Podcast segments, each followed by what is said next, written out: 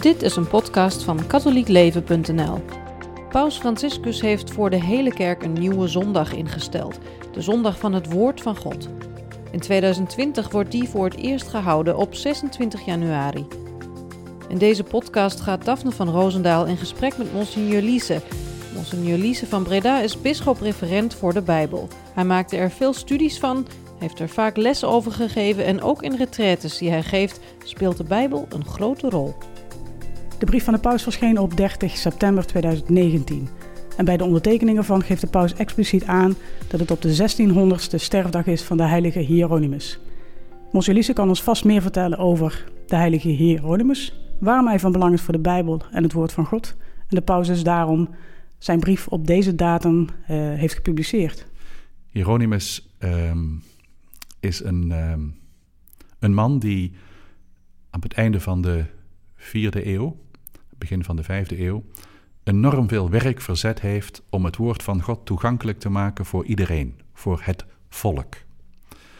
De, hij heeft ervoor gezorgd dat de Hebreeuwse teksten van het Oude Testament vertaald werden in het Latijn. Het woordje volk in het Latijn was vulgus. Je hoort nog een beetje verwantschap tussen vulgus en volk. En die vertaling die hij maakte, die heet dan ook de Vulgaat. Betekent letterlijk de vertaling voor het volk. Daar heeft hij een groot deel van zijn leven aan gewijd. De levensgeschiedenis van deze Hieronymus, die dus in dit jaar 1600 jaar geleden gestorven is, is heel bijzonder. Hij, hij was een geleerd man. Hij, um, hij, wist ook erg veel. Op een gegeven moment heeft hij zich um, teruggetrokken in Bethlehem. De verhalen over zijn leven vertellen. En ik zeg verhalen, maar het is misschien een stukje ook legendevorming, maar het laat wel uitkomen wie hij was. Het vertelt dat hij zich terugtrok in Bethlehem en daar in de leer ging bij Joodse schriftgeleerden om de taal beter te kennen. Dat hij woonde in een grot en dat hij daar zich toelegde op de Heilige Schrift om die beter te kennen. Hij leefde daar een uiterst sober en eenvoudig leven en was de hele dag bezig met dat woord van God, met het doorgronden beter te kennen. Hij was in dialoog met God, maar wist heel goed dat er iets ontbrak. En hoe hij zich ook inspande, er was een verlangen dat in hem brandde om, om een levend contact met Jezus te hebben. En ergens wist hij van binnen, dat is er niet echt. Nou, zo gingen zijn dagen voort. En het verhaal vertelt dat hij op een gegeven moment bij het sprokkelen van het hout terugkwam in zijn grot en dat hout op een stapel aan de kant legde en dat in één flits hij in die houtstapel de vorm van het kruis herkende.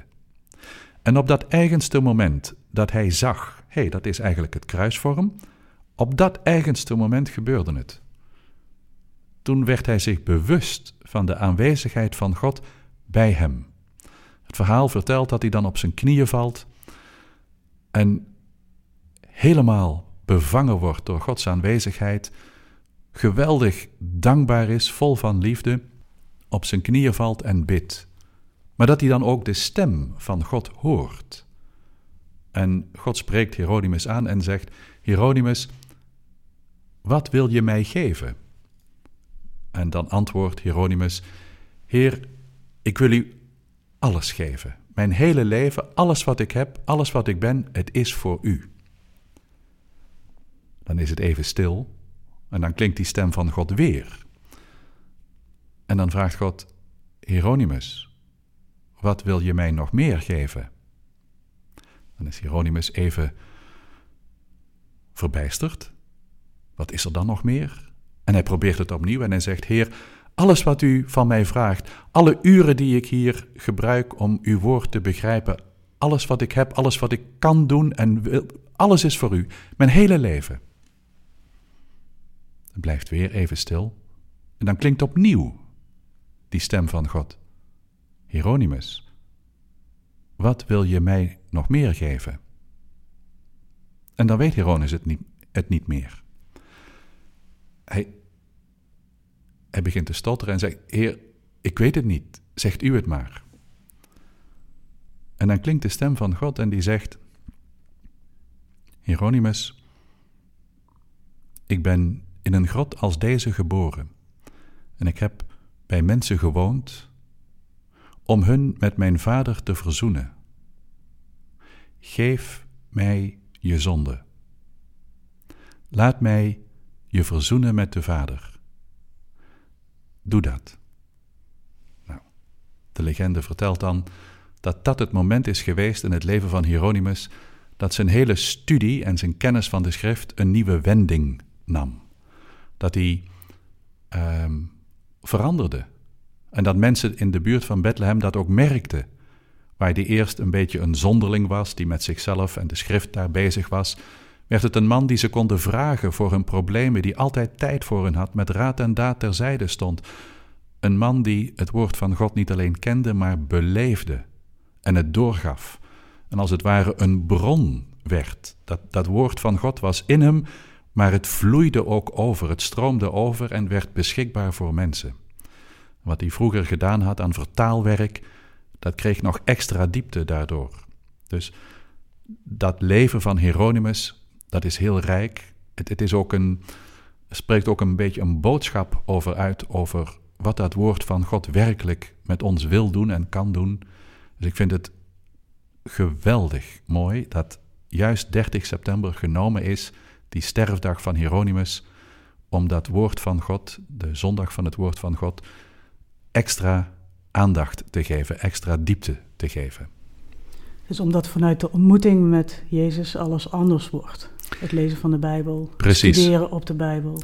Je zou kunnen zeggen, wat we in de schrift lezen, wat gebeurde met de Emmausgangers, dat laat het verhaal van het leven van Hieronymus ook zien. Ook hij heeft die ervaring dat zijn hart geopend wordt. De ogen van zijn geest worden geopend.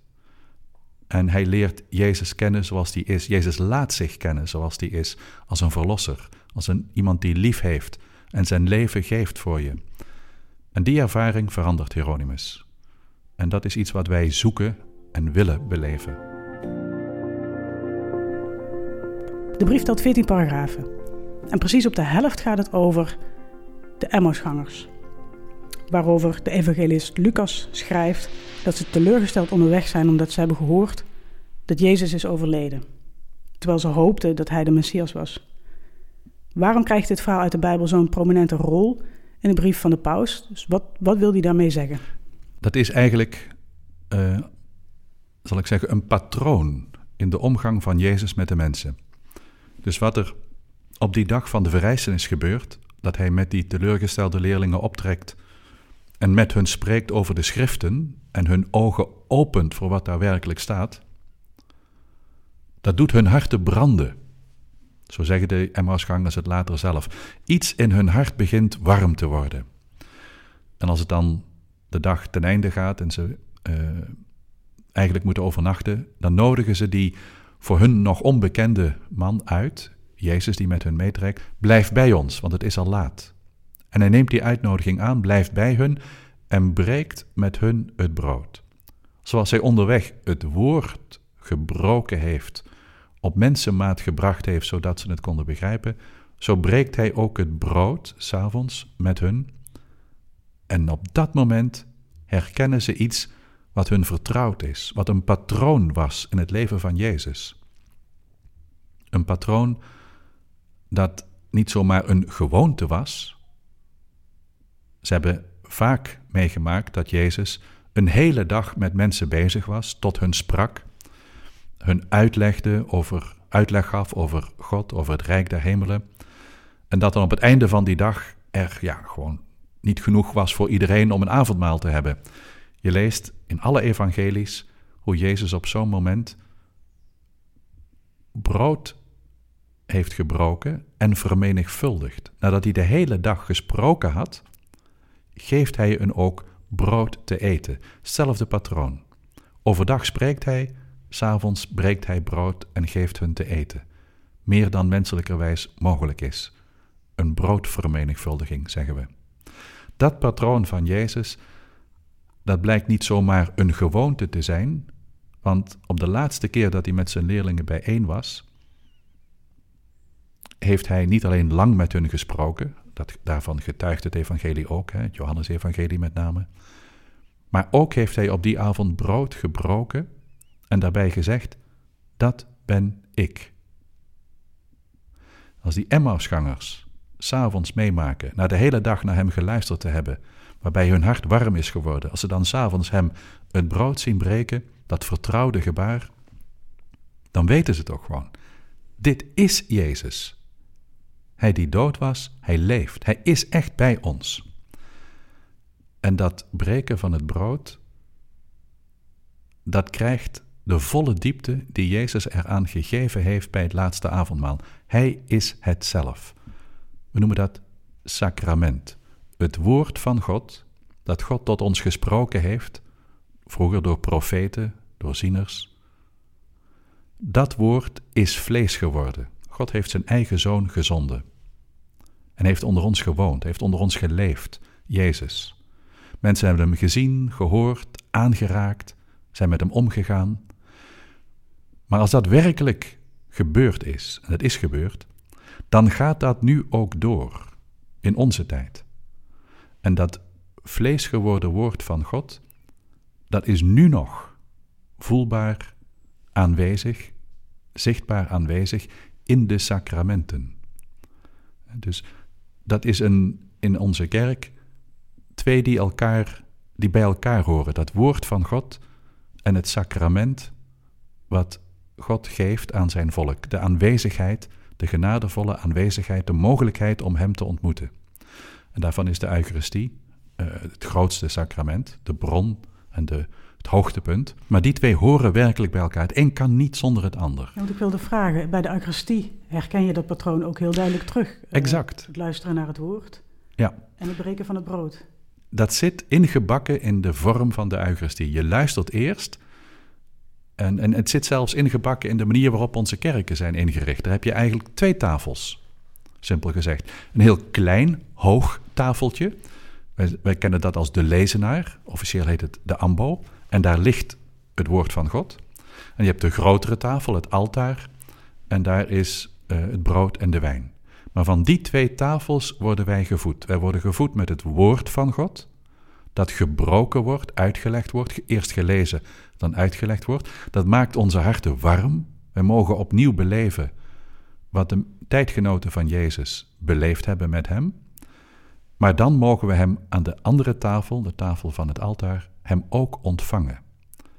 We mogen dat wat God begonnen is in de menswording, nu opnieuw ervaren in het ontvangen, in de ontmoeting van Jezus in de sacramenten. Dus die twee horen bij elkaar. En ik denk dat zo'n zondag van het woord van God een uitgelezen kans is om in de liturgie van de Eucharistie ook die middelen te gebruiken die eigenlijk voorzien zijn om een beetje meer relief te geven aan dat woord van God.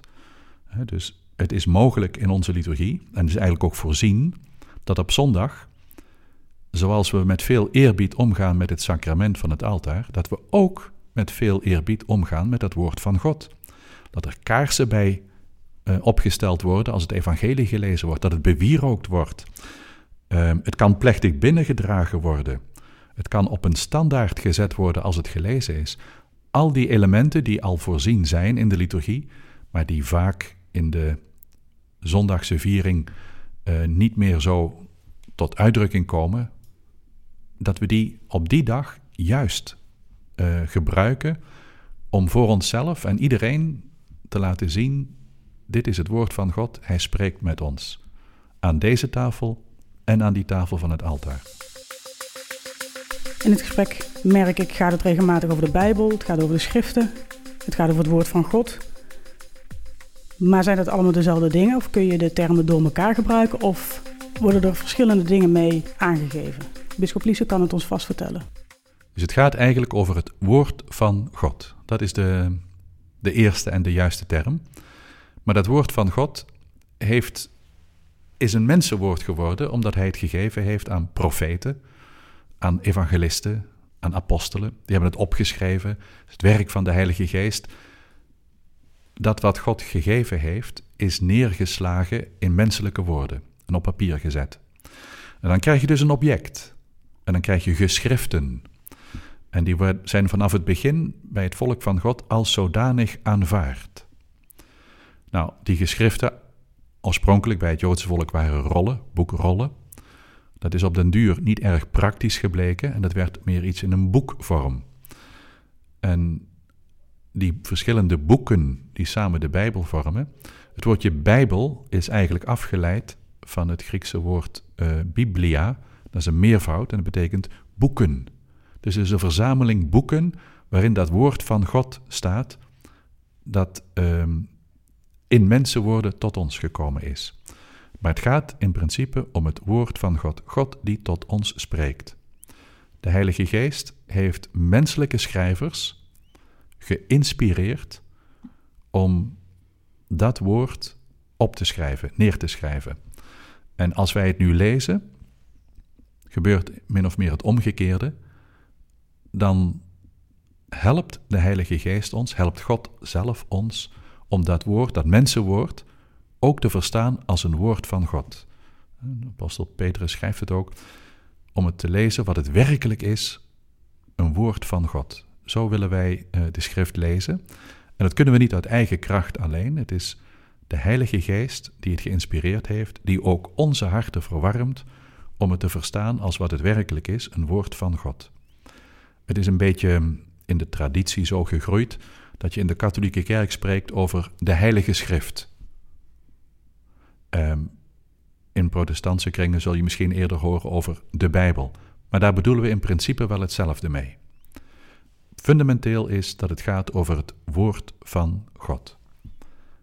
En deze zondag heet dan ook de zondag van het woord van God. Het heet niet de zondag van de Bijbel of de zondag van de Heilige Schrift. Nee, het is de zondag van het woord van God.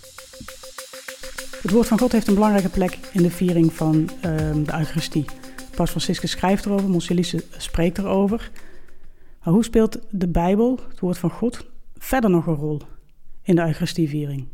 In de vorm van de liturgie die we vieren, uh, brengen we op allerlei manieren tot uitdrukking dat wij beseffen en willen ervaren en beleven dat God met ons spreekt.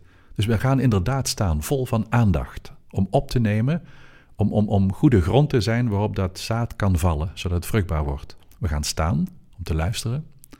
En dat, dat staan drukt een bereidheid uit om te antwoorden. We omgeven, kunnen omgeven, het lezen van het evangelie met kaarslicht. En we kunnen er wierook bij gebruiken om eerbied te betuigen aan de aanwezigheid van God in ons midden door middel van zijn woord.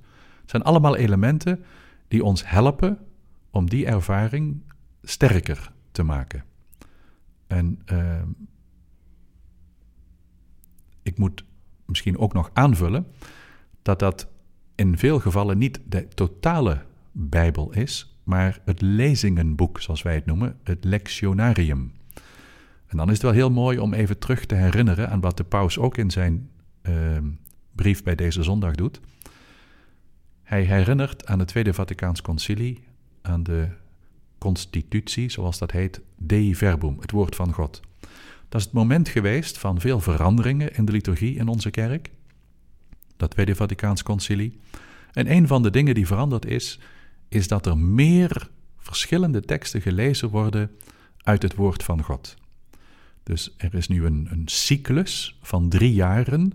En om de drie jaren krijg je pas weer dezelfde evangelies te horen. Dus dat, er worden meer evangelies gelezen dan vroeger. En dat geldt ook voor de weekdagen. Er wordt continu uit verschillende boeken gelezen. Een continue lezing. Dus een grotere rijkdom van het woord van God is beschikbaar geworden. En dat staat in wat wij dan noemen de lezingenboeken, de lectionaria. En dat zijn de boeken dus die we in de liturgie meedragen, die we tussen kaarsen zetten, die we grotere eerbied geven, waarvoor we gaan staan als eruit gelezen wordt. Um, het zijn dus de, de lezingen uit de schrift die bij elkaar zijn gezet voor de liturgie. Paus Franciscus wil natuurlijk dat we de zondag van het woord van God op een hele praktische manier vormgeven. Wat zegt hij daarover in de brief? En welke verdere tips heeft Bisschop Liesen nog voor ons?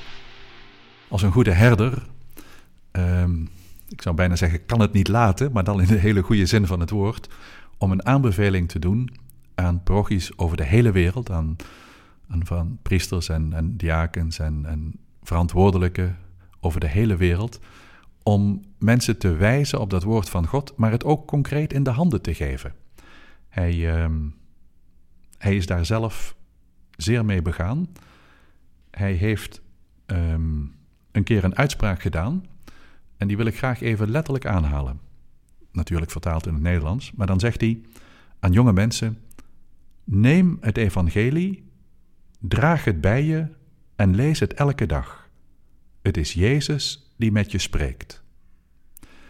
Nu bestaat er in Nederland de KBS, Katholieke Bijbelstichting, en die probeert juist deze doelstelling van Paus Franciscus te bereiken. Daarvoor bestaat ze, om mensen vertrouwd te maken en meer liefde te geven voor het woord van God.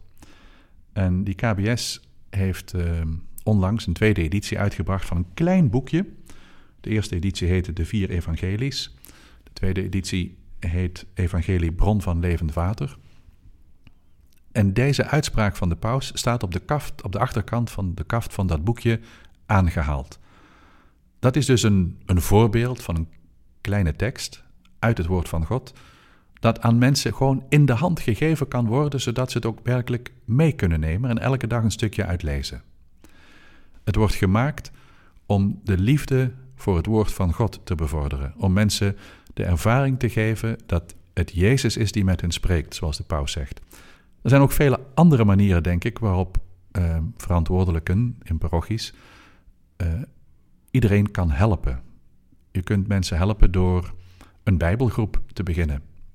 Je kunt mensen helpen door um, misschien zelf een initiatief te nemen om een boek uit de Bijbel eens een keer met hun, met die, wie dat wil, te lezen.